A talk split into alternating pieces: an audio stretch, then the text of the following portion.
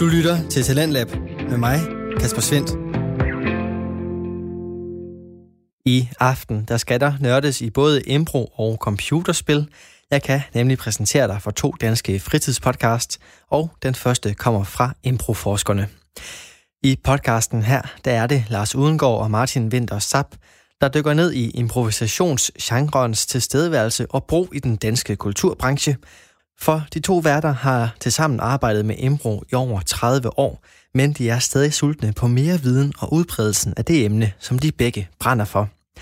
Du kan finde afsnit omkring brugen af impro i blandt andet teater, comedy og musik, samt afsnit, der koncentrerer sig mere omkring teori og det mere faglige bag evnen til at lave god impro. I aftens afsnit, der er de to værter alene ved mikrofonerne, og de taler om deres erfaringer med at lave reklamer som impro-skuespillere. Den episode får du her. Ja, velkommen til endnu et afsnit. Ja, velkommen, tak. Uh, Martin. Nå, det var ikke mig, du sagde til. Nej, jeg sagde til alle de andre. øh, og, øh, og så sagde jeg det også til en, en, en tom sofa, Ja, fordi det skal også... du øh, begynder at snakke med møbler. Ja, Jamen, der er jo mange møbler her på Lykken Station, hvor at vores øh, lille studie er. Vi har jo øh, rykket lidt om. Blandt andet sat et tæppe op, ja. for at ligesom afskærme lidt for lyden. Ja, det er det. Jeg ved ikke, om det virker. Nej, altså lige nu kan vi fortælle om på den anden side af tæppet, der står der en mor med to børn, som har skrejet i en halv time. Jeg ved ikke, om man kan høre det. Og det har jeg slet ikke hørt. Nej, der kan du se, det virker. vi, øh, vi snakker lidt med os selv i dag. Øh, nogle gange er vi en gæst ind, nogle gange snakker vi selv. Og øh, i dag har vi nok i os selv. Som du dog kan sige det. Ja. Jamen, det er rigtigt noget. Det har vi. ja. Vi, vi vil øh, dykke ned i et, et, et lille hjørne, som måske bliver større og større i, øh, i øjeblikket, eller over det sidste stykke tid. Øh, vi vil snakke lidt øh, reklamer. Mm. Øh, du har lavet et par stykker, jeg har lavet et par stykker. Jeg har lavet øh, noget til noget for, for rigtig mange år siden, øh, som på ingen måde havde noget med impro at gøre, og så noget øh, nu her, som har noget med impro at gøre. Fordi impro bliver brugt i rigtig mange sammenhænge, øh, og øh, i særdeleshed til castings, men i nogle tilfælde også til reklame, Ja. i selve processen. Det vil vi prøve at dykke lidt ned i, øh, og se om vi kan finde en tendens i det. Ja. Jamen, da jeg var i Chicago i, i 15, der snakker med nogle af dem øh, derovre, som leder af ligesom at, at lave reklamer og improvisere, og de sagde, at de blev i højere grad kontaktet, fordi der var simpelthen nogle led, man kunne skære ud af sin proces, hvis man brugte improvisatorer til at, at lave reklamerne. Ja. Det var blandt andet en manuskriptforfatter. Ja. Så behøvede man ikke det, fordi så havde man måske bare en idé, og så bad man improvisatoren om at ligesom arbejde lidt med den idé, så man ikke skulle bruge tid på at sidde og skrive og lave øh, dramaturgiske gennemgang af at fungere det her. øh. Så, Ja. Og det var jo meget spændende, og det er jo et fænomen, som jeg føler er kommet lidt mere til Danmark nu.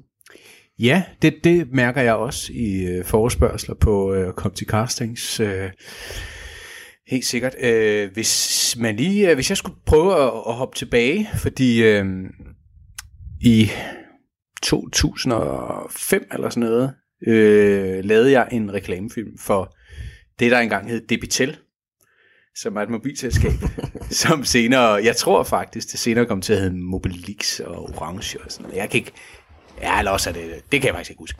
Men det betal. Og øh, det var øh, på det tidspunkt også, hvor, øh, hvor reklamefilm øh, gav rigtig godt, og øh, vi var to unge gutter, hyret ind til at lave den her reklamefilm, som skulle være sådan en lille tøhø, sjov ting, omkring to ekspedienter i en øh, debitel telebutik, som går og driller hinanden. Og øh, der kan man sige, det var blottet for improvisation. Mm. Det var øh, et, et stramt manuskript, og manuskriptet var okay. Altså det var, det, det var sådan også, hvad jeg netop sad lidt, Nå, det kan, det kan godt gå hen og blive sjovt.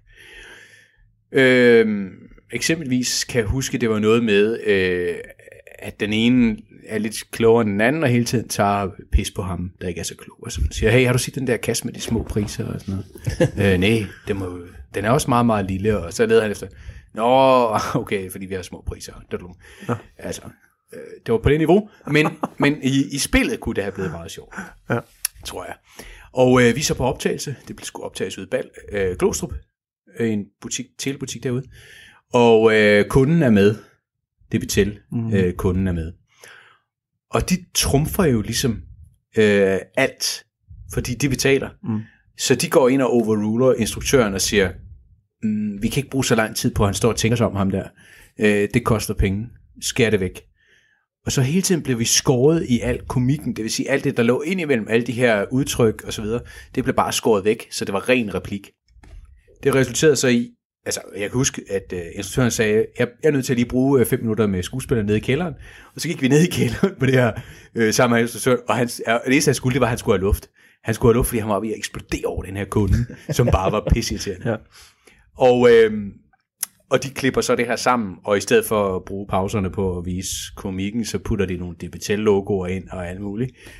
Øh, og den ender med at, at, at køre selvfølgelig, og jeg, jeg havde skrevet kontrakt på et år. Den kører, lad os sige en måned, og så bliver den pillet af, fordi den simpelthen bare ikke holder. Mm. Så der kan man sige, det var, det var et klart eksempel på, at når noget bliver for, hvor der ikke er plads til improvisation, mm. så holdt det bare på ingen måde. Ikke at sige, at, ikke at, sige, at planlægning øh, ikke dur, fordi der er jo også lavet reklamefilm, som var produceret godt, og, og alt var tilrettelagt osv. osv. Men, øhm, men her var det i hvert fald et klart eksempel på, jamen, du, du er, I, vi er ikke til stede i noget af det, vi laver. Så det var den ene modpol her, og så, og så trækker vi det lige op til 2019, øh, og der har du jo lige lavet en reklamefilm for HBO, Ja. Nej, nej, det var det ikke. det var det ikke, Lars. Men du har set den, og ja. du fattede ikke helt, hvad det var for. Nej, præcis. Øh, jamen, jeg har faktisk lavet to reklamer i år. Mm. Den ene er ikke blevet til noget. Jeg havde sådan en, øh, hvornår var det, sidste år til Zulu Comedy. Øh, der havde et show, hvor jeg gjorde lidt grin med, at hver gang jeg skulle ud og, og få optaget reklamer, så blev det aldrig vist. Øh, ja. så jeg fik mine penge, så på en eller anden måde var det jo fair nok. Men jamen, ja, jeg ved ikke lige hvorfor.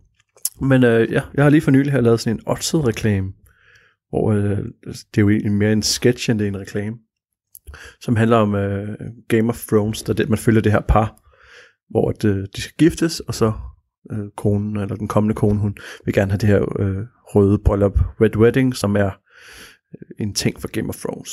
Øh, meget makaber meget makaber scene, må man sige. Og ja. så er der så sygt mange referencer til det, og Game of Thrones undervejs i den her lille sketch og sådan noget. Så går det så ud på, at Odds lige nu øh, øh, har nogle, ja det har de så ikke, for det slutter lige om lidt, men man kunne have oddset på, øh, hvad der ville ske i Game of Thrones. Øhm, og så det er bare lidt en, en, en sketch omkring det, og den var så udelukkende produceret til, til at køre på Facebook. Og der, øh, der lavede vi impro. Øh, mm. Altså der var selvfølgelig et manuskript, men det var også et, et løst manus, forstået på den måde, at vi fik det sendt ud, og så var de sådan et, I må gerne læse det, øh, og forholde jer til det, men vi kommer til at arbejde med det, øh, når vi går i gang, og ser, hvad der sker, og I må gerne sådan selv komme ind med nogle bud, og det var sådan en ret hurtig øh, proces. Vi skulle optage to reklamefilm, og vi var der i tre og en halv time, og i den halv, øh, to og en halv time, øh, tre og en halv time, der var også en frokostpause på. Så vi optog måske to og en halv time øhm, på, for at lave to reklamer. Ja. Det er meget kort tid. Ja, det er det faktisk. Øhm, fordi vi optog selvfølgelig ikke hele tiden, men, men det var ligesom, at de sagde, at vi vil gerne have så få takes som muligt. Vi havde en tidsplan, men så det var ikke, fordi vi skulle skynde os, men de vil bare gerne have så få takes som muligt, fordi de vil gerne bare bruge sådan, den første livlige reaktion mm. øh, som der var. Så mindre vi kom til at sige et eller andet øh, forkert, eller vi gerne ville have taget den om, eller de gerne ville have taget den om, så var det ligesom det første indskydelse, vi gik med. Og der øh, kørte vi det jo igennem, og så kom man også, jeg kom også med nogle bud, og sagde, hey, kan vi prøve at gøre det her, for at gøre sketsen lidt skarpere? Øh, så kan jeg lige finde på noget, eller må jeg komme med et eget bud på det. Øh, fordi der var ikke nogen instruktion som sådan til, hvordan jeg skulle sige mine ting, udover at der jo var et, et løst manus. Så det synes jeg var en mega grinerende oplevelse, øh, og, og prøve ligesom at kunne være med til at, at skabe sin egen reklame på den måde der, og det skal så også siges, at det var øh, et ret lille bureau, der lavede den, fordi jeg har jo også omvendt været ude og lave noget for Telenor, øh, hvor der var en bemanding på, på 25, ikke? hvor mm. at, øh, fire af dem var kameramænd, ja. som stod med hver deres vinkel, øh, og med kostumer og, og make-up artister, og det var nærmest voldsomt. Ja at være i. Ikke? Og her der var det bare to mand Ja. øh, der kørte hele produktionen. Ja, der kan virkelig være forskel der. ja. Jeg lavede en øh, reklamefilm sidste år for øh, Hyundai, mm. øh, og, og bilreklamer har åbenbart et, et, øh, et take inden for, for reklamebranchen om, at der er pengene, det er der pengene er, ikke? Mm. Og den her reklamefilm var jo fantastisk at få, for den skulle kun bruges, den skulle vises to gange på tysk fjernsyn om natten. Og det var for at komme på en anden øh, reklamefestival. Og der var også et crew bag det der, altså 50 plus. Og så var der en, øh, så var der indkaldt 90 statister, som skulle sidde i salen inde på Folketeater, hvor jeg så skulle stå og trylle på scenen. Jeg var hyret ind som tryllekunstner, og skulle være den store El Magico. Så får de det her to øh, instruktører, de får så en idé om øh, på selve dagen, at øh, det kunne være sjovere, hvis øh, salen var nærmest tom. Nå. Så de sender så lige de 45 statister hjem, for dem skal de i hvert fald ikke bruge. og de sidste 45, dem sætter de til at vente, mens at de tager cirka 10 af dem ind i salen. Så der sidder sådan et spredt publikum på 10, og så sidder der 35 og venter, hvis de nu skulle ombestemme sig. Og de bliver så sendt hjem lidt senere på dagen, når de ligesom har bestemt sig. Altså det der setup, altså så mange penge der er i det der, det var helt, helt aldeles vanvittigt. Og der var faktisk også øh, plads til en del improvisation i det, fordi de, de var med i processen, altså de var også skabende undervejs, og øh, så skulle vi lige prøve nogle forskellige vinkler og sådan noget, og øh, så der, der, der, var der også, der var også en, en lydhørighed over for det. Egentlig ikke noget, jeg bød, skulle byde ind på som sådan, mindre jeg blev, blev fortalt, men improen var, øh, var med i det, mm. og man prøvede ting af undervejs. Og der kan man sige, det er mange mennesker at, at lade vente på, at man lige prøver nogle ting af. øh, men, men jeg oplever også mere og mere, at, at, man, at vi bliver kontaktet, fordi vi skal bruge nogen, der kan improvisere. Mm. Og øh, det være sig øh, reklamer, hvor, de, hvor, hvor man går efter den der øh, skjult kamera-effekt, hvor man skal spille sammen med nogle intet øh, kunder i, i supermarkedet, eller øh, jeg har også været til casting på en med noget ejendomsmæler, hvor der lige pludselig ja, der kommer en ejendomsmæler ind, og så begynder kunderne, tror jeg det er, at føle sig mere og mere hjemme og bare gå hen og tage noget mælk i køleskabet, eller, eller også hvad det omvendt, det kan jeg ikke huske. Men, men i hvert fald, hvor man, hvor man er nødt til at agere på det, der sker. Mm. Og derfor er det impro-skuespillere, de, øh, de går efter. Ja.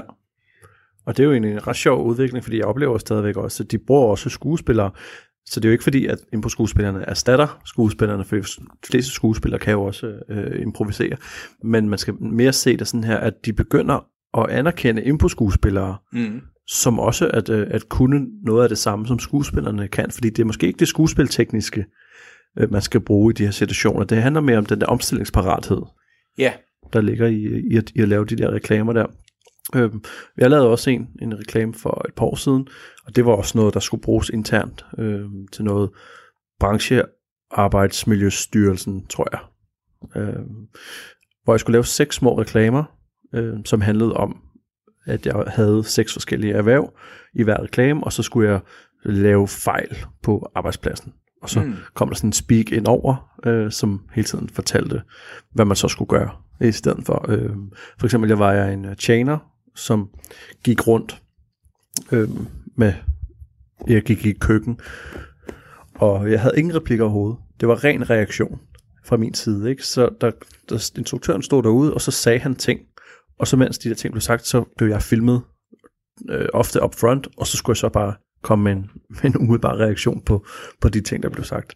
Ja. Det synes jeg, det var en af de sjove, sjovere opgaver, netop fordi, at jeg ikke skulle øve mig på ja. noget. Jeg skulle ja. bare sådan øh, have noget kostume på, og, og så kører igennem alle de her forskellige, øh, de kaldte det selv sådan lidt en øh, fedtmule øh, tutorial øh, video, som egentlig gik ud på, at, øh, at de viste mig filmen, hvor han, uh, fra Disney Show, hvor han skal bygge øh, en flyvemaskine, og så er der helt sådan en speak, der fortæller, når du skal bygge en flyvemaskine, så er det vigtigt, at du har de rigtige redskaber. Og så kommer fedtmule ind med de forkerte redskaber. Mm. Nej, nej, du skal ikke bruge, nå, skal han så sige fedtmul, eller ja. gøre med sit kropsprog, ikke? og så gå ud igen.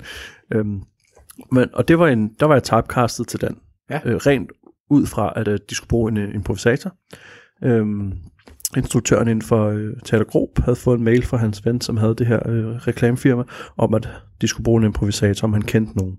Og så anbefalede han mig, og så blev jeg kontaktet. Og jeg kan huske, det var en lidt sjov situation, fordi jeg sad inde på det der reklamebureau, øhm, og sad sådan lidt, du kan godt se, det der ret lille sted, hvor vi skal sidde i forhold til, at jeg skal til casting. Og så kom han ind, ham der, og så kom der en anden ind, og sad sådan lidt, nå, okay, og vi hilste på hinanden, og jeg hedder Martin, og han, det, jeg kan huske det her, det var så mærkeligt, fordi han lignede mig ret meget. og så siger jeg, hej, jeg hedder Martin, og så siger han, hej, jeg hedder Martin.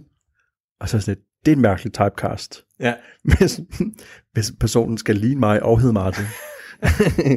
men, det Og så har vi andre jo ikke en chance. Nej, det, det, men det viste mig så, at, øh, eller det viste sig så, at han øh, var kameramanden.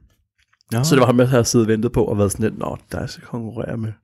Ah. Så kom han ind og sagde, ja. Og så sad vi og snakkede om reklame, og jeg sad bare hele tiden og tænkte, okay. Øh, og så sagde han, så ses vi jo bare ikke. Og jeg var sådan lidt, jeg forstår det ikke. Altså, har jeg, jeg, jeg ventede på den der, du har fået det. Men så viste det sig, at jeg havde fået det hele vejen igennem. Ikke? Ah. Så jeg var bare blevet kaldt ind for at gennemgå, Ja. øh, hvad det var, vi skulle, og skrive under på kontrakten. Og så Ja. mødtes vi og filmede det lidt senere. Men det vil sige, vi har jo begge to været til en del castings, og vi har også lavet et par reklamefilm, øh, også som, hvor vi castet som impro-skuespillere, og det er jo dejligt. Men, men hvis man ligesom skal sige, øh, hvis man sidder derude og tænker, nu vil jeg også til det her, ikke? så kan man jo selvfølgelig, ja, så er det jo bare at gå på Google og, og finde nogle øh, ka- øh, castingbureauer og skrive sig op hos dem, og, mm. og alt det der. Det kan man selv lægge råd med. Men, men øh, kunne man sige noget om, hvordan det er. Fordi når man, de fleste castings er jo i virkeligheden også improvisationer. Nogle gange får man lidt tekst, andre gange ikke. Mm. Øh, så, kunne man, så kunne vi komme frem til noget, hvor man siger, hvad, hvad, hvad er forskellen på det her, og så improvisere i undervisning, øh, scene, regi. Har du nogle øh, tanker på det? Mm, jeg ved ikke. Altså, der er selvfølgelig den store fordel, hvis, eller forskel, hvis du har et manus, som du skal læne dig op af. Fordi jeg har også været ude for, at der bare er en situation. Ja. Og det er jo meget det samme, øh, som når vi improviserer. Ja. Du får, øh, her, værsgo, her er et, øh, et hvor, og så kan du selv finde ud af, hvem og hvad øh, i situationen. Og der handler det jo bare om at, at gøre det. Øh, Det er klart, men, men jeg, jeg tænker tit, at øh, du har jo ikke nogen medspillere som sådan ofte mm. til en casting. Du Nej, står er egentlig bare skal selv, og så, så står der jo ofte en, øh, casteren står med et kamera og kigger i det, og kan måske godt give nogle stikord eller et eller andet, sådan spørge lidt ind eller noget, du skal reagere på. Men i bund og grund, så er du dig selv. mm, Og det, det, er det synes jeg i hvert fald er en forskel fra, fra at gå på scenen og, og få et bud fra publikum og sammen devise noget. Det, det, der er, du ved selvfølgelig, hvor du skal hen nogenlunde inden for det her. øh, Du skal agere ud fra nogle, nogle lyde, som du sagde før, eller nogle øh, sætninger. Mm. Men, øh, men du skal skabe det selv. Og øh, det, det tror jeg i hvert fald, at øh, det kan man jo godt øve sig i. Ja. Øh, vi havde et afsnit øh, med Laura Dragsbæk, hvor, hvor vi snakkede om det her monolog-impro. mm, Altså, altså bruge det, øh, de, nogle af de teknikker omkring at bare mærke, hvad sker der, og være tro mod den, du er, fordi det, det der tit er med sådan en casting er, de kigger jo ikke på, om du kan din tekst udenad. De kigger på, jamen Martin, er du den type, vi har forestillet os ind i hovedet, mm. du skal være? Og, og man skal aldrig tage et afslag for mere, end det er, fordi det tit er bare, øh, det er bare, jamen, passer du ind i den den ramme, de har sat, og det er ikke altid udseende. Det er sådan en, jeg tror, jeg tror det er en fornemmelse, de har, at sige det, der, det, det, er den, det er det, vi gerne vil appellere til. Ja. Ja, det tror jeg helt klart. For jeg lavede også for nylig en, øh, en casting, hvor at, øh, jeg blev kaldt ind igen til anden runde. Øhm, hvor hun så sagde, at øh, altså, der havde været nogle problemer med lyden på den første runde. Nå, Øhm, men jeg var blevet kaldt ind igen til anden runde, og var gået videre til anden runde, fordi at det, de havde, sådan, havde set, altså uden at kunne høre noget, så det, de havde set, synes de havde været fedt, ikke? Ja. Men jeg fik den så ikke, men jeg har så set reklamen efterfølgende, og, og blev sådan lidt, ah, fordi jeg øh, fik nogle råd af hende, hun sagde blandt andet, øh, lad være med at spille for meget. Ja. Du skal bare være i den. Du skal, det er ikke, hun sagde sådan her, det er ikke det, du gør, men det er det, der bliver sagt. Det er situationen, der er sjov. Så du skal bare gå ind og passe på med at overspille mm. situationen. Her finder øh, men, Og så til sidst sagde hun, og nu må du bare gerne give dit eget bud på, hvordan du synes, det skal være. Og så fik den jo bare fuld spade. Ikke? Øhm, men jeg fik den så ikke. Men min improvisation til den der casting, som jo ikke var det samme, som der stod i manus, det var det, der endte med at blive gjort i reklamen. øhm, og så tænkte jeg også bare, ja okay, fair nok. Men altså, det er jo, Men det er igen, øh, det har været en, det en vide. bestemt type, måske, Ja, ja. de har gået efter. det kan også være, at de har, når de har filmet det, så har de tænkt, ah, nu prøver vi lige nogle, Ja. nogle, nogle forskellige ting. Ikke? Men altså jo, jeg kan da også huske, at vi sad ude på en på skolen en dag og, og skulle lave et, et self-tape øh, til mig, Ja, det er rigtigt. øhm, hvor du, du filmede mig, og du skulle snakke, og jeg skulle bare reagere. Øhm, og det, det synes jeg da også var mega svært. Øh, men jeg kan, da, jeg kan da godt forstå, hvis man synes, det havde været endnu sværere, fordi tanken var jo, at jeg skulle gøre det uden dig. Mm. Øh, at jeg bare skulle have siddet og kigget ind i kameraet og reageret Ja. øh, nonverbalt, som om, at der var en, der snakkede til mig. Og det synes jeg var super mærkeligt. Ja. Men altså, men helt klart, det tror jeg bare kræver noget træning. Øhm, Ja. Så helt klart et råd til, hvis man tænker i de her baner og synes, det kunne være sjovt at lave reklamer, så er det ikke bare noget, man gør. Nej, og, øh, og igen, det er også øh, meget med typer. Jeg, det, er også, det ligger også nogle år tilbage, det her, men, men øh, jeg øh, spillede en forestilling engang på øh, Komedievognen, hed det jo på, på Nørrebro. Øh, dengang. Det, det er mange, mange år siden. Og så øh, til den her rolle, der skulle jeg være kroneravet. Mm. Og så blev jeg så i det moment, øh, og så også kaldt til casting på en FCK-reklame.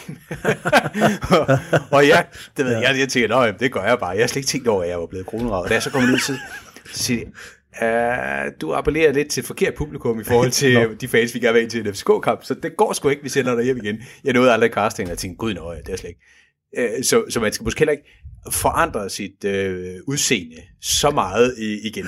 Men, uh, og så går der ikke ret lang tid, jeg tænker, nå, jeg må sgu hellere se at få min gamle øh, sideskilling tilbage, ikke? Og så, jeg begynder at gro noget hår, og så går der en 14 dage, 3 uger, så ringer der en ny caster, og siger, hey, øh, Lars, vi skal bruge en, øh, en, en til en reklamefilm for noget, øh, for, for en, der ligesom anstrenger sig så meget, at man får noget ud af det. Og det, det skal være sådan en karakter, vi har hørt, du er kronravet, så det skal være sådan en, der sidder og, og, og, og koncentrerer sig ind til, at der gror et hår ud af hovedet på ham. og jeg tænkte, altså, og der havde, havde jeg, jeg begyndt at få det frit til ikke? Så, ja. så der var jeg der sige til, at jeg kronraver mig gerne, men, men jeg vil godt lige have castingen først, øh, før vi laver den der kobling der. Så der var lige to øh, reklamer, jeg gik glip af inden for, for ret kort tid, fordi øh, jeg ændrede for meget på mit udseende. Ja. det var... Øh, Nå ja, men det havde ikke så meget med impro at gøre. Men, øh, men, men, det- men, men det er da en meget god, meget god tanke, at ja. man ligesom bare øh, bliver altså, vurderet på, hvordan man ser ud. ja, Fordi de der reklamer, de ved jo godt, hvad de vil have ja, øh, på forhånd. Ikke? det gør de. Og så kan de godt bruge, øh, efterhånden bruge de her skills, men man også kan improvisere. Og der tror jeg, at man igen, som vi også snakker om i, i mange af de andre podcasts, altså man også skal, skal tillade sig selv og, øh, at tage noget skuespiltræning, eller i hvert fald øh, gøre det ægte, fordi det, det, det er også det, de kigger efter. De mm. kigger på efter, kan du, kan, du være, kan du være en ægte karakter, en vi tror på i løbet af de her 30 sekunder, som, øh, som reklamen var. Mm. Så det er, ikke, det er jo ikke nok bare at kunne improvisere og skrive det på. Og, Nej, nej. Men der er også lavet en reklame over, det, det var så for Telenor. Øhm, den, den blev ikke vist, men det var sådan en, de kører nu her, hvor øh, der er en Telenor-medarbejder, som skal forklare en kunde om deres nye øh, Telenor-trin. Mm. Og øh, hvis de ikke forstår det, kan de trykke på en rød knap, og så kommer man til skade. De kørte sådan her efter nytår. Og dem skulle de lave seks af. Og jeg var så en af dem. De fem andre er blevet vist, så jeg ved ikke, om de bare venter med guldet, eller om den er helt skråt.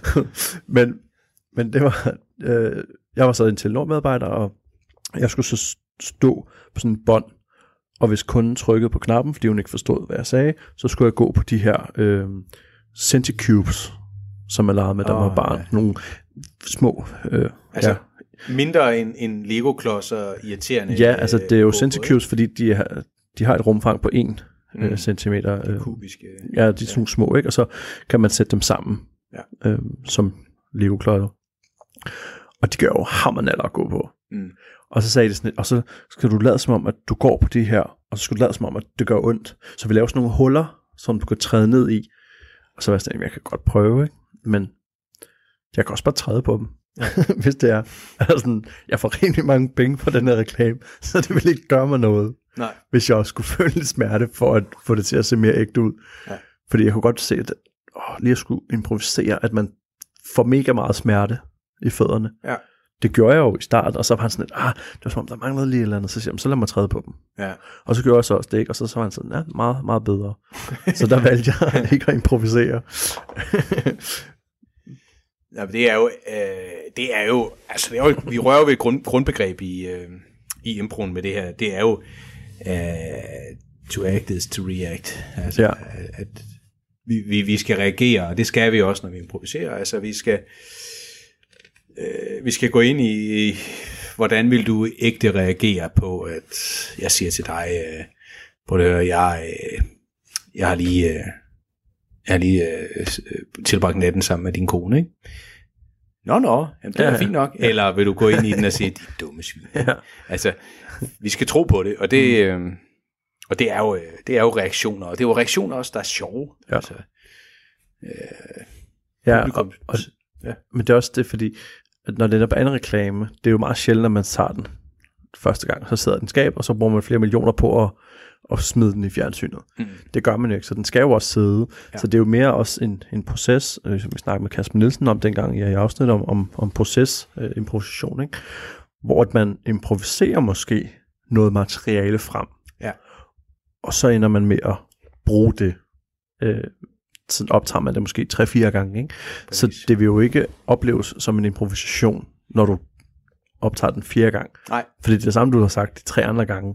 Men det er måske mere situation, fordi det virkede mest ægte, da man improviserede sig frem til den på den måde. ja. Ja, ja, det er klart. Man kan ikke sige noget nyt hver gang, for tingene skal, Det også være mærkeligt. skal kunne klippe sammen, ikke? ja. Men, øhm, men, det, men det, er jo, det, er jo, det, er jo, det er jo skønt, at, at der er den her fokus på, øh, på at man også skulle kunne det. Mm.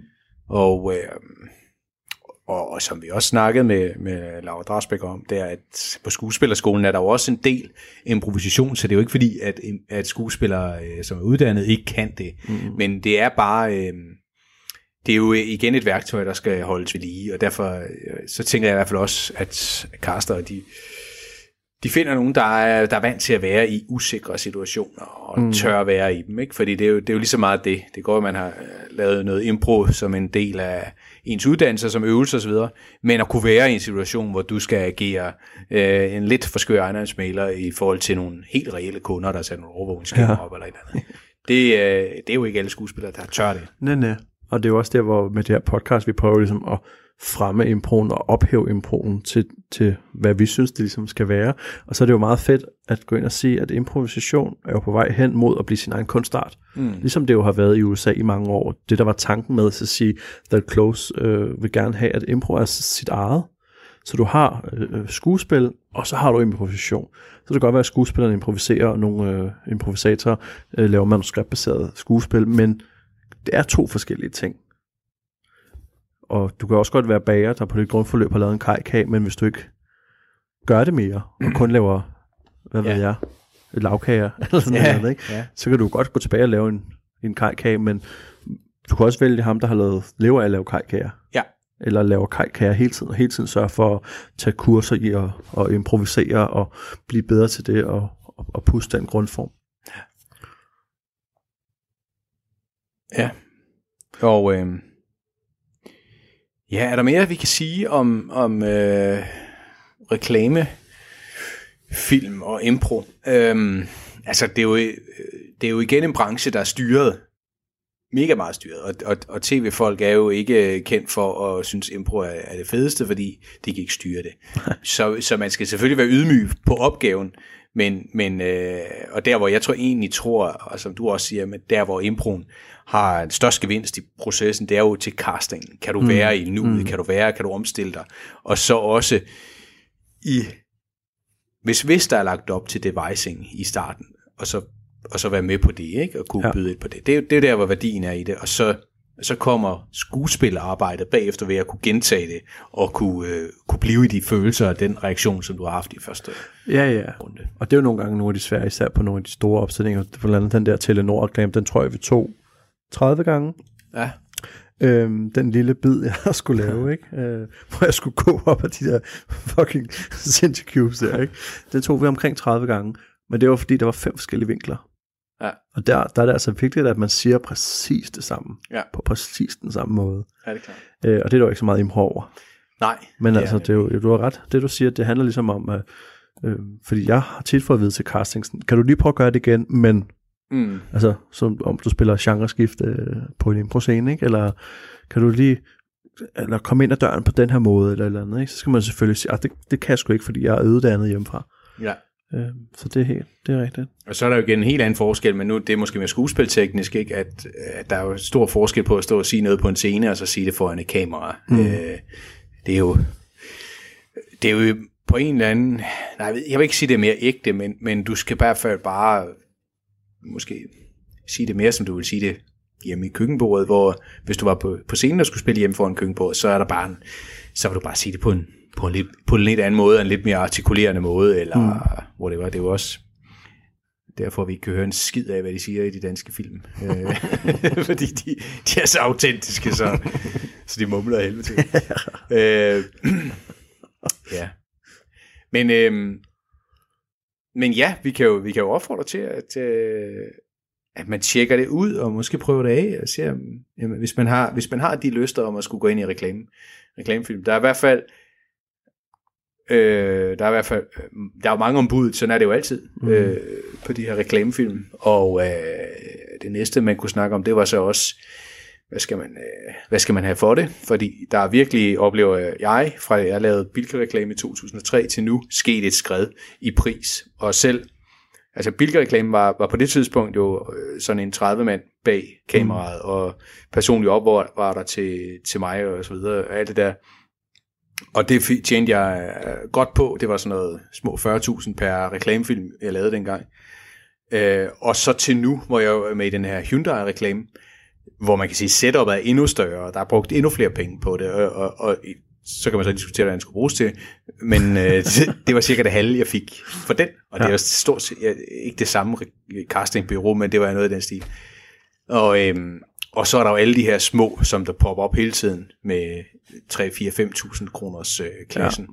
Og det er jo der man, det er der, man skal begynde at tænke sig om, jamen hvad, og lige læse igennem, hvad, hvad skal det bruges til? Er det, er det, øh, så hvad er optionerne på det, og øh, hvor lang tid skal man bruge på det, og, og hvad er det for? Fordi der er jo også, der, øh, i lang tid, mange år efter faktisk, at jeg lavede Bilka-reklame dengang, for det kørte jo i halvandet år massivt på, på TV2, der kunne jeg ikke gå i nærheden af, af nogen andre reklamer faktisk, fordi jeg var kendt for det. Du måtte heller ikke handle i Fakta. Jeg måtte, jeg, jeg måtte ikke. ja, nej, altså, men nu arbejder jeg jo åbenbart også i Bilka Det var der mange, der troede. Ja. Så øh, det var, var godt, bare godt spillet. Ja, det var... Det var men så, så man, man bliver også låst mm. på nogle reklamer.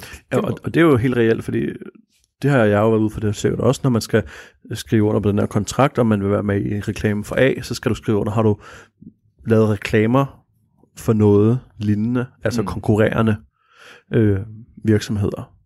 Der må man jo gå ind og, og, og sige ja eller, eller nej. Ikke? Så hvis du har det, og du måske har fået 500 kroner for at lave en, uh, I don't know, uh, 7-Eleven mm. reklame, det kan godt være, at du tænker, det var fint betalt, men hvis det låser dig for i tre år at lave reklamer ja. for andre øh, steder. Som sælger fødevarer for eksempel. Ja, ja. ja. altså, det er jo ærgerligt. Der, der, tror jeg, der tror jeg også, man skal gå ind og kigge på, hvad er det for en branche, du er inde i. Jeg har mm. lavet en på et tidspunkt for kristelig fagbevægelse også. Ikke? Så kan man sige, okay, hvad er, hvad er chancerne for at få for en anden fagforening inden ja. for det her? Men er det øh, Bilka, eller mm. altså, det, sådan nogle ting, ikke? der kan man sige, der låser man sig lidt for, for, for lidt et, et større spektrum. Ja. Altså, øh, så, og jeg, jeg, jeg ved ikke, vi, vi kan vel ikke, vi kan jo ikke gøre os dommer for, hvad man skal sige ja til eller nej til, men, men jeg synes, man skal, man skal overveje øh, ikke at, at gøre det for for, for lidt. Mm. Altså fordi altså, skuespillerforbundet har nogle regler på det. Øh, de, de vil jo aldrig gå med til 5.000 for en reklamefilm. Øh, jeg kan ikke huske satserne på det, men det er, jeg tror, det er noget omkring 15 eller sådan noget, ja, okay. som er minimumsatsen. Øh, så så det kan man jo, Det er også derfor, det, det, det spørger de tit om. Er du med, Nej, det er ikke. Nå, det var godt. Nej, det var godt. Så kan, du godt, så kan man godt gå videre. Men, øh, øh, men altså, igen er det jo også blevet mere udvandet, end det var dengang. Ja. Øh, altså, det, det er jo ikke, fordi man bliver stoppet på gaden og siger, hey, er det ikke dig fra, fra den der reklamefilm? Sådan er det ikke rigtig mere. Øh, ikke, øh, det, det, det kan jeg huske fra dengang. Der, der, øh, det var ikke, fordi folk kunne kende mig fra Bilka-reklamen, mm. men jeg blev tit stoppet, og så sagde folk, hey, har vi ikke, har vi ikke gået til karate sammen? du ved, sådan. Men man kørte den på TV2?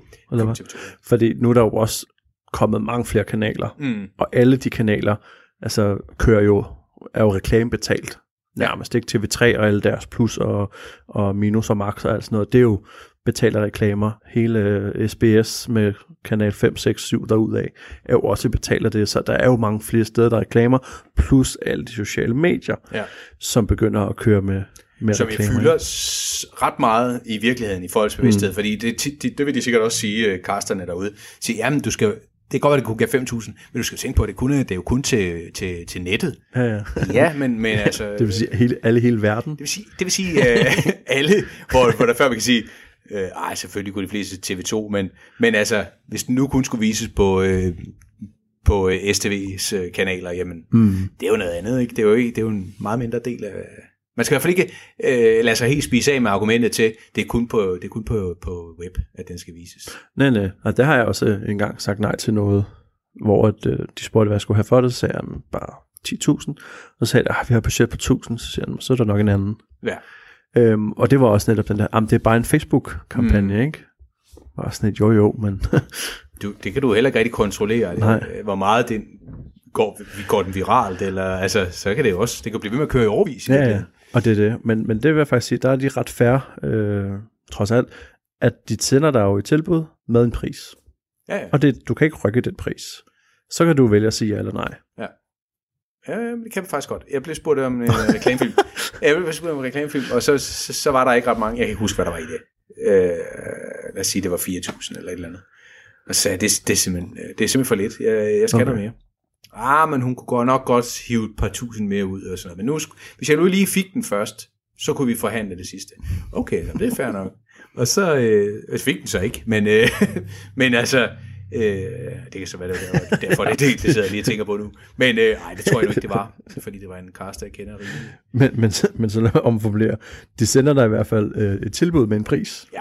Og så kan du vurdere, Kan du forhandle ud for det? om du vil forhandle, om du vil sige ja, Ja. eller om du vil sige nej. Ikke? Og med det er min ikke- lille øh, historie i, i mente, så, så Ja. får du den så ikke, hvis du forhandler.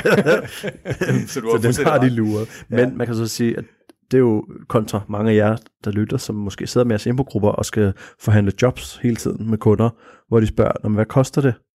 Der har man jo sikkert en, en pris, men det er også, der er også forskel i den pris, om det er i Københavnområdet, øh, hvis det er der, man holder til, eller om det er Fyn eller Jylland, eller mm. Mm. Bornholm, eller øh, er det lørdag aften, eller er det tirsdag formiddag, eller sådan noget. Der er det en stor eller en lille virksomhed, eller er det privat Præcis. konfirmation, ikke? Og der er det jo meget fedt nogle gange, at man bare får et tilbud og siger, hey, jeg skal bruge dig, og jeg har det her, ja eller nej. Jo, altså husk, at et budget øh, bliver altid over, overtrådt. Altså, Nå, men altså, man kan godt udfordre et budget, Selvfølgelig. hvis, øh, hvis virksomheden så ringer og siger, at vi har 5.000, det er det. Så Nå, men altså, vi tager normalt 10, men altså, lad os da mødes på 8. Okay, det kan vi måske godt finde. Mm. Altså, det kender vi jo. Vores eget husholdningsbudget, det bliver overtrådt e- every month. Altså. Ja. Så, øh, ja. øh, Men så, ellers har jeg bare tænkt sådan, jeg lavede den der odds-reklame for eksempel, og jeg fik tilsendt manus, og jeg synes, det lød mega grineren. ja. Så sagde jeg ja. Ja. Og det er også net, hvis jeg havde fået den, og havde tænkt, ah, det der, det skulle ikke lige, der skal de bruge mig, fordi de skal bruge en tyk mand, der skal stå øh, på en McDonald's og bestille en burger. Og så skal der komme nogen forbi og grine af ham, fordi den er tyk, og så stopper han med at spise det. Jeg ved ikke lige, hvad, hvem det skulle være for. Øh, Nok ikke McDonald's. Ej. Men princippet det der med, Mm. altså, have jeres integritet med i det. Mm. Hvis I synes, det lyder sjovt, hvis I kan stå inden for det, I laver, så tag reklamen, og så være lidt ligeglad med, om folk de synes, at man sælger sig selv. Ja. Øhm, fordi vi er jo trods alt skuespillere, øhm, så man kan også sige, man sælger vel også sig selv ved at stå på scenen. Jo, jo. Øh, men man gør det jo, fordi man synes, det er sjovt, og hvis man står og laver impro og ikke synes, det er sjovt, så stopper man. Så tag lidt den tankegang. Det er i hvert fald det, jeg går ud fra, når jeg laver sådan noget. Ja. Er det ikke ordene omkring det? Jo, det synes jeg. Det. Tak til dig, Bilkaman. Tak til dig, HBO-mand. Ha' det. Radio 4 taler med Danmark. Det var aftenens afsnit fra Improforskerne med Lars Udengård og Martin Winter Sap. Det næste, jeg vil præsentere dig for, er gamer-podcasten Hørespillet med verden Christina Skrøder. Vi har kunnet præsentere Christina før her i programmet med afsnit fra podcasten Feminist på prøve. En podcast, hvor du som lytter er med på undersøgelsen af feminisme-begrebet, og om Christina med kunstnernavnet Stinella vil kalde sig for feminist. Men i aften der er det med podcasten Hørespillet, at jeg kan præsentere Christina, og i den der har hun inviteret en række forskellige gæster ind til at fortælle om nogle af de computerspil, der bare har det ekstra. Med sig i aftens episode, der har hun geninviteret rapper og koncertarrangør Kim Fugt med ind i stuen, hvor også Christinas kæreste Michael tilslutter sig samtalen. Her der får du første del af aftens afsnit fra Hørespillet, og spillet, de skal gennemgå, er gyseren Until Dawn. Vi har endnu en gæst, som faktisk også har støvsuget gulvet. Det er øh, Kims hund, Dexter. Så, øh, Den stod mellem mig og Dexter, vel? Hvem der og, og vi deler mikrofonen. ja, præcis. Men, men jeg skal sige, jeg er jo faktisk også inviteret til, ja. øh, til Hakkes arrangement her den 3. oktober rigtigt. i Pumpehuset. Hvis, øh, ja, igen, det er jo det der, om de får lov, fordi at hvis Kim han skal vælge mellem en betalende gæst og en vært, så kan jeg godt forestille mig, at jeg får lov til at se det i- via streamingen i stedet for.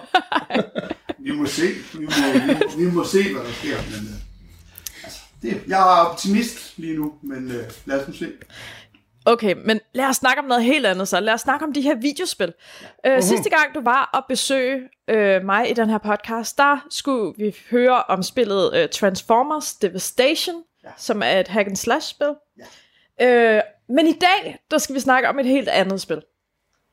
Det skal vi, og i dag skal vi også øh, snakke om et spil, der måske passer lidt bedre ind i podcasten, fordi her skal vi snakke om et spil, som har en meget øh, dyb historie, eller i hvert fald en meget bred historie, så der er sådan lidt mere historie at tage fat i, andet end der kommer nogle robotter fra rum, som gerne vil slås. Mm. Øh, ja.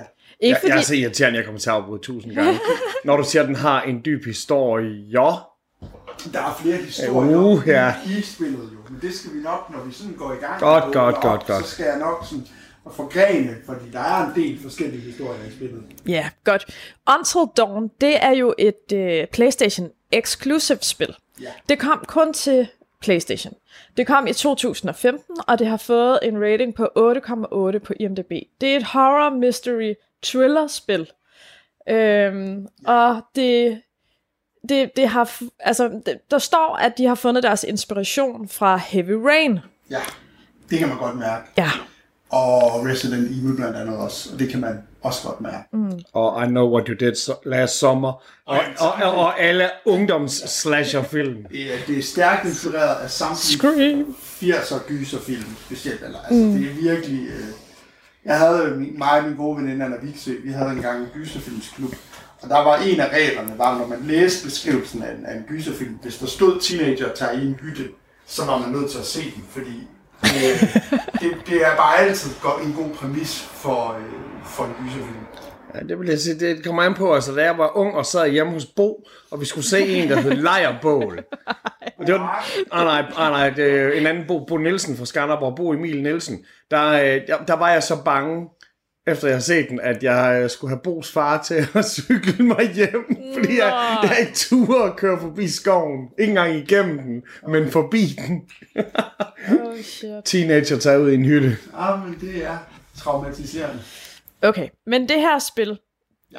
det, altså, I ved ikke, skal vi, lige- skal vi lige runde, at øh, det faktisk også, altså, det, det er jo skuespillere, der er med i det her ja. spil, og det, der er lidt specielt ved det her spil, og nok har været et af de første spil, det er, at skuespillerne i spillet ligner skuespillerne i virkeligheden. Altså, de er sådan afbildet meget, som de ser ud i virkeligheden. Virkelig meget, ja. Ja. Ja, med få undtagelser, tror jeg, men, det, men som udgangspunkt, ja. Er måske ikke ham der skovtrollen, som Nej. vi møder på et tidspunkt. Det er rigtigt. Han ser måske ikke sådan ud i virkeligheden. Jeg ved det ikke. Lidt, Lidt. Oh, Jeg tror nok, creep. de to søstre, tror jeg nok, hende, der lægger stemme til dem, øh, ser meget anderledes ud, men det kan godt være, jeg. Michael han spurgte mig faktisk om noget, mens vi spiste, øh, i forbindelse med, at vi lige drøftede det her podcast. Øh, det var, øh, han spurgte mig, kan du huske det første spil, du spillede, hvor at du kunne genkende en skuespiller? Det er et godt spørgsmål. Kunne du det? Jamen det, det, jeg tror først, at de gange, hvor jeg har kunne genkende nogen, der har det været sådan, det har været senere hen. Altså, så skal vi jo nærmest helt op til det her, år, altså, det her årti. Altså, jeg, jeg tænkte uh, Call of Duty, ja. hvor uh, at uh, ungdomsvennen uh, Kevin Spacey, han jo, uh, han i hvert fald uh, var afbildet som sig selv, og fordi det er så traumatiserende, så er der også mulighed for nu, hvis man downloader det, at få det uden ham. Sådan. Hvilket er sådan, okay, det er et spil, hvor I skyder alle. Ja, han er creep. Væk med ham. Øh, jeg tror, nu bliver det sådan lidt, lidt kedeligt svar det her, men når jeg sådan tænker, jeg er i hvert fald helt sikker på, Peter Schmeichel i FIFA 98. Mm. Han er måske ikke modelleret efter Peter Schmeichel. Men han har en stor rød tud. Han havde sådan grydefrisyren, som Peter Schmeichel havde dengang, og det lyde sjov, så man var ikke i tvivl om, når man så, at det var Peter Schmeichel. Men jeg tror også, jeg har spillet noget før det, hvor vi alle også var sådan scannet, og det var sådan helt... Øh, men, men jeg ved ikke, om det tæller. Fodboldspillere, der ligner fodboldspillere. Hvad siger du så til den her? Uh, Mortal Kombat. Der Johnny Cage, Ja, han blev jo ikke spillet af Jean-Claude Van Damme. Nej. Men det er da 100% Jean-Claude Van Damme. Altså, der, der, det, er hu- det, det er der han baseret på, vil jeg sige. ja det er... Det er jo jo, næsten- det, jo, det er han, men... Men det er jo kun fordi grafik var så dårlig dengang, hvor den kom ud, at de kunne tillade sig at gøre det. Ja. Nå, det kan jo man jo ikke på samme måde.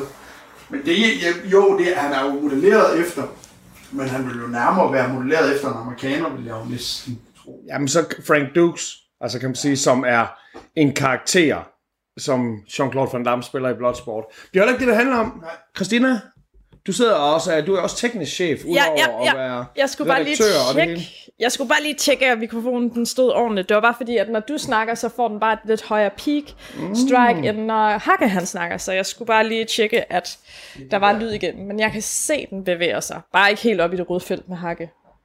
Øhm, Så det er mere en måde at sige, at jeg skal holde min kæft. lidt. Overhovedet ikke, overhovedet ikke. Øhm, men, men de her skuespillere, der er med i Until Dawn, der er en, som jeg den dag i dag kan genkende. Ja. Men de andre, dem, altså jeg, jeg har ikke, første gang jeg spillede det her spil, der, der tænkte jeg ikke over, at det var skuespillere, jeg måske havde set før. Men nu, hvor det er, jeg har set Bohemian Rhapsody, så kan jeg godt genkende en af dem. Øh, ja, og det er også, øh, hvad hedder han, vores ven Remy, som har vundet en Oscar for at spille Freddie Mercury, blandt andet. Øh, han har også lavet en masse andet. Han har lavet den der, åh, den der, han lavede sådan en serie, hvor han har Altså, hacker. lav den der, hvor, hvor de hacker. Ja, han er mega fed. Mr. Robot hedder. Mr. Robot hedder den Mega fed serie. Øh, men det er sjovt, fordi da jeg spillede det, så er det jo Hayden, som, øh, som er med i, øh, i Heroes. Hun som er The Cheerleader. Ja, og jeg tror, hun er også, tror jeg, det største navn på det tidspunkt, der er med. Og hun er sådan tydeligt, man kan tydeligt se det hele. Øh, og så er der ham, der spiller psykolog, som jeg har glemt, hvad hedder. Peter, Peter Stomare. Stomare, som er jo øh, en skuespillerlegende, som har ja, Fargo, øh, Armageddon. John Wick. Ja. Han lavet det hele, øh, som, som gør det rigtig godt. Og jeg synes faktisk, øh, noget af det, det her spil virkelig skal roses for, og det tror jeg, det er et af de første spil, jeg nogensinde har spillet, det er, der er ikke noget tidspunkt på stemmeskuespillet, hvor den er forkert eller akavet. Øh, altså, der er ikke noget, hvor man sådan tænker, kæft, hvor er det dårligt, eller hvor er det dumt sagt, eller sådan vil du ikke snakke i virkeligheden. Øh, det er selvfølgelig også, fordi det er sådan, altså, noget af dialogen er, er sådan dum med vilje, øh, men de gør det virkelig godt. Det er virkelig et stærkt, øh, stærkt cast, øh, og ikke kun de, sådan, de tre stjerner. Ham, der lægger stemme til Mike også, han har været med i øh, hvad hedder Agents of S.H.I.E.L.D. i fem sæsoner. Øh, så han er også øh, sådan, hvis man, hvis man ser den slags. Men, men Hakke, vi, øh, vi kommer lidt mere tilbage omkring, øh, hvad kan man sige, selve spillet og baggrunden og noget efteranalyse og sådan noget. Men hvad, hvad handler det her spil om? Øh, jamen, øh, Until Dawn handler om... Øh, Okay, og der er spoiler alert. ja, mega Ja, spoiler ja, alert. ja. øh, sådan, øh, det handler om, øh, Altså spillet starter i virkeligheden et år før spillet starter, øh, hvor der er den her flok teenager, som er oppe i en skihytte. Øh, og der er, øh, der er to søstre, øh, og den ene af dem er forelsket i en af karaktererne i spillet, som, øh, som hedder Mike. Og de laver en prank på hende, hvor, øh, hvor hun sådan, tror, hun skal være alene med Mike, men så er alle de her teenager i rummet, og de filmer det. Og det bliver hun selvfølgelig mega flov over, så hun løber ud, og hendes søster løber efter hende. Øh, og øh, så øh, forsvinder de. Man, øh, man som, som spiller ser man, at de falder ud over en skrant, og der er, der er noget efter dem, men man ved ikke rigtigt, hvad, hvad det er. Øh, men de falder ned, og så springer spillet, oh, så springer spillet ligesom et år frem i tiden, øh, hvor de her to søstres bror øh, har besluttet sig for at invitere de samme venner tilbage i hytten, øh, fordi det er sådan en tradition, de altid har haft. Og, øh, og det har de alle sammen sagt ja til, sandsynligvis, øh, fordi de har lidt ondt af ham og sådan noget. Øh, og så, øh, så handler spillet sådan, simpelt sagt om at holde øh, om otte teenager i live til næste dag. Øh, og øh, ja, de, øh, de ankommer, altså, egentlig kan man sige, øh, lidt fra starten af spillet, og så til, til, til de ankommer i hytten, og et lille stykke ind, sker der ikke vanvittigt meget spændende. Man, sådan, man finder nogle små historier, og man, sådan, man fornemmer, at der er noget galt, men, men det, er sådan, det er bare den her opbygning af, af en historie. Øh, for mig at se, så starter spillet først rigtigt. Øh, sådan virkelig, hvor, hvor man sådan kan mærke spillet, så at sige. Øh, men er det ikke også fordi, at karaktererne måske ligesom, før at, at selve, det, før det bliver plotdreven, så, så bliver karaktererne lidt øh, fortalt, at vi ved, hvem der er the douchebag. Altså, der er jo mange af de her forskellige karakterer, som man finder i alle de her øh, teenager tager ud i en hytte film. jo, det er der, det er, og der er en skriger. Der er nogen, der er ekskærester med, med hinanden, som har taget en ny kæreste med, begge to i øvrigt. Øh, så, så på den måde er der, er der, er der jo intriger. Og jeg synes jo også, det her spil, hvis man ligesom overgiver sig til historien, øh, så er der virkelig meget at komme efter som, som spiller. Mm. Men det kræver, at man sådan har lyst til at være en del af en historie, som både er uhyggelig og spændende, og som også lidt stikker i alle, altså sådan, selve uhyggelseselementet øh, stikker sådan lidt i alle retninger. Der er både noget med at spille øh, ånden i glasset, og der er et monster, og øh, der er lidt sådan, lidt der minder mere om sorg, og altså, så der er sådan, altså, så den stikker ikke, altså det er ikke bare sådan simpelt en, øh, så er der et, et monster med en hockeymaske, der vil slå dem alle sammen ihjel. Det, det svinger sådan, sådan lidt. Altså spillet, det er jo bygget op på, at, øh, at, at handlingen den udvikler sig i takt med de valg, du træffer. Ja. Øhm, og hvis man har set den film, der hedder The Butterfly Effect, Yes. så, så kan man også godt fornemme, at, øh, at selve, hvad kan man sige, øh, lige præcis den del der, den, det er taget direkte fra den film. Det hedder at Ja. ja. noget så simpelt som The Butterfly Effect, Ja, når, ja. Man, når man gør det her. Øh, og op på det her bjerg, hvor den her hytte ligger, øh, der ligger der også, som det jo hører sig til i alle gode, øh, vision, der ligger et sindssygt hospital, øh, og der ligger en god mine, øh, og så... Øh, og Men så kan de komme ned med en bil? Nå nej, Nej, fordi nej. det er en cable car, mener jeg. ja, ja, det er rigtigt. Det, det kan man ikke. Det, man skal med, med en skidift og det hele. Øh, og så viser det sig jo, at, øh, at det her område, det er, i, er jo et gammelt indianerområde. Øh, og de her øh, indianer, de har efterladt sådan nogle totems til totempæle. Øh, og dem er finder man rigtigt. øh, rundt omkring, og de, for- de kan noget forskelligt. Øh, der er en, der hedder Death, som sjovt nok viser, hvordan en karakter dør. Øh, og der er en, der hedder Warning og Good Fortune, og så er der en fjerde, som jeg simpelthen ikke kan huske. Øh, men som simpelthen er sådan nogle, man finder, og så får man ligesom at vide, når du har det her valg, så skal du ikke gøre det her, eller så skal du gøre det her. Mm. Øh, og, øh, og, og der er sådan et par steder ellers i spillet, de, de, igen når jeg siger det, men den stikker i flere forskellige retninger, de der indianer, de forsvinder også øh, i historien, egentlig inden historien rigtig bliver, bliver spændende, men man får ligesom, man får noget forhistorie, og får at vide, hvorfor de her totems er her, øh, og, så, øh, og så er de egentlig ikke så relevante mere for historien. Radio 4 taler med Danmark. Det var første del af aftens afsnit fra Hørespillet, en gamer-podcast, hvor Christina Skrøder inviterer forskellige danskere ind til at fortælle omkring de spil, der bare har det ekstra, og du kan høre anden del af denne episode, hvor gæsten er Kim Fugt, og spillet er Until Dawn, på den anden side af dagens sidste nyheder, der kommer her.